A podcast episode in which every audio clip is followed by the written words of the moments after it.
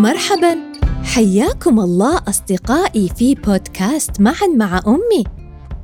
تدور أحداث قصتنا اليوم في إحدى القرى بالمملكة العربية السعودية في الزمن القديم حيث قرر سعود أن يشتري حصيرة بدلا من الخبز ليكتشف لاحقا بأنها حصيرة غير عادية. لنستمع الآن إلى القصة سويا ونكتشف ما حدث من مفاجآت وأحداث مثيرة.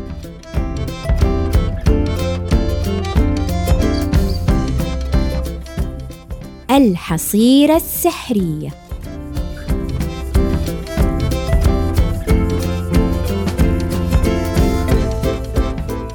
كان يا ما كان في قديم الزمان.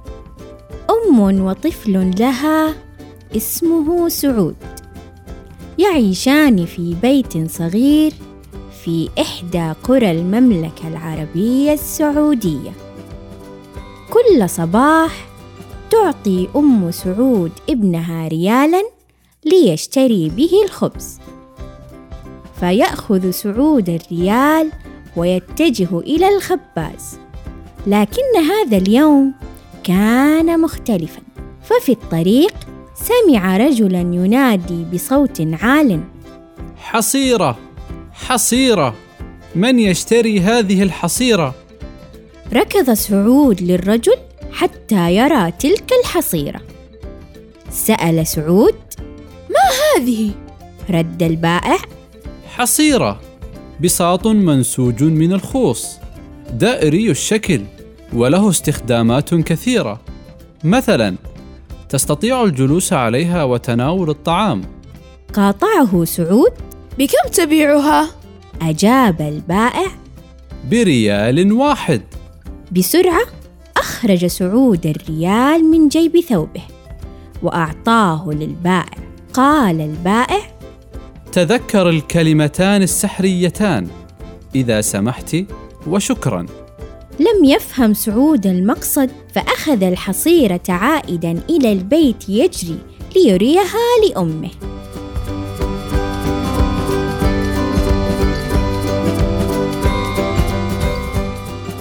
دخل سعود إلى البيت حاملا الحصيرة فوق رأسه أمي انظري اشتريتها بريال قالت الأم بهلع. وماذا عن الخبز يا سعود؟ ماذا سنأكل الآن؟ أخذت الأم الحصيرة ورمتها بعيدا وبدأت تفكر كيف ستوفر طعام اليوم. أخذ سعود الحصيرة وجلس جائعا ونادما. ليتني لم أشتري هذه الحصيرة وأشتريت الخبز بدلا منه صمت سعود طويلا حتى أصدر بطنه صوت قرقرة. ثم قال لأمه كم أشتهي أن آكل الكبسة أو المرقوق؟ هل هذا ممكن يا أمي لو سمحتي؟ فجأة اهتزت الحصيرة.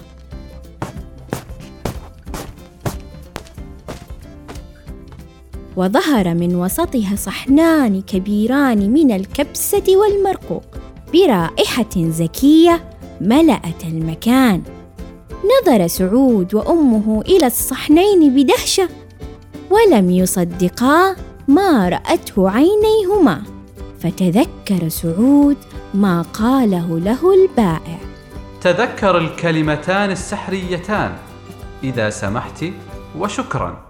ولكن من شدة الجوع لم يترددا. إذ لفظا البسملة وقاما بالأكل حتى الشبع. ونام الاثنان في تلك الليلة حامدين شاكرين. صباح اليوم التالي. كالعادة أعطت أم سعود الريال لابنها ليشتري الخبز. قال سعود أمي لما لا نطلب طعام الإفطار من الحصيرة؟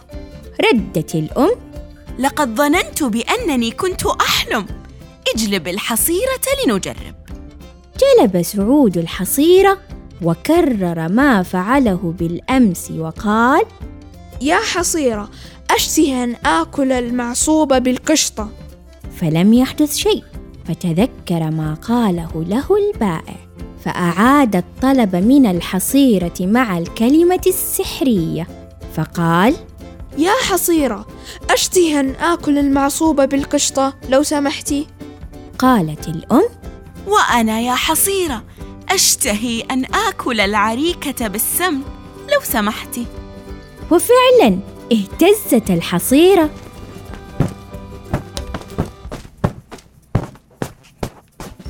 وظهر صحن المعصوب وصحن العريكة المزين بحبات من التمر. وعلى هذا الحال استمر سعود وأمه بالطلب من الحصيرة ما لذ وطاب. مرة السليق والجريش على الغداء ومرة الثريد والحنيذ على العشاء حتى أنهما طلبا من الحصيرة الحلوى كالكليجة والمهلبية والمعمول. طبعا مع القهوة السعودية ذات المذاق الخاص. في يوم من الأيام سمع ابن الجيران عن الحصيرة التي يملكها سعود وأمه وطمع بها فتسلل ليلا عندما نام كل أهل القرية إلى منزل سعود وأمه. أخذ الحصيرة وهرب إلى منزله. قال ابن الجيران يا حصيرة أعطني مفطح. فلم يحدث شيء. قال مرة أخرى غاضبا يا حصيرة أريد المفطح حالا. فلم يحدث شيء. حاول مجددا. آمرك يا حصيرة مفطح. فلم يحدث شيء. صرخ ابن الجيران. هذه الحصيرة لا تنفع ولا حتى بريال واحد. ورمى الحصيرة من نافذة بيته.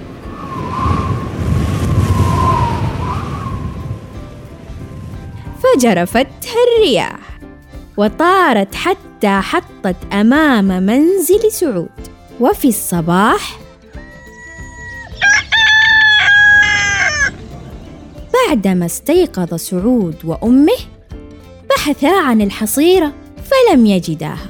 فزع سعود وبدأ يبحث في كل مكان حتى أنه فتح الباب وبدأ يبحث في الخارج حتى وجدها وهدأت أنفاسه رجع سعود بها إلى البيت وقال لأمه لا أعرف كيف وصلت الحصيرة إلى الخارج لكن الأهم ماذا تشتهين يا أمي للفطور؟ قالت الأم الكبدة وخبز التنور لو سمحتي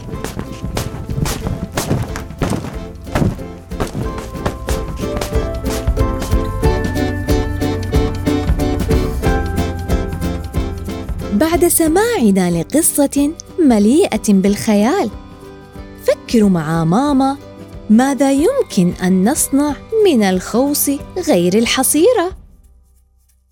ولا ننسى أخيرا ما اعتدنا على فعله. هيا فلنحضن أنفسنا ونردد. أنا معطاء. أنا مهذب. أحب نفسي. وأحب غيري. أنا قارئ اليوم. أنا قائد الغد. شكرا لكم على حسن استماعكم. نلقاكم مجددا في بودكاست معا مع أمي من إثراء. دمتم في أمان الله.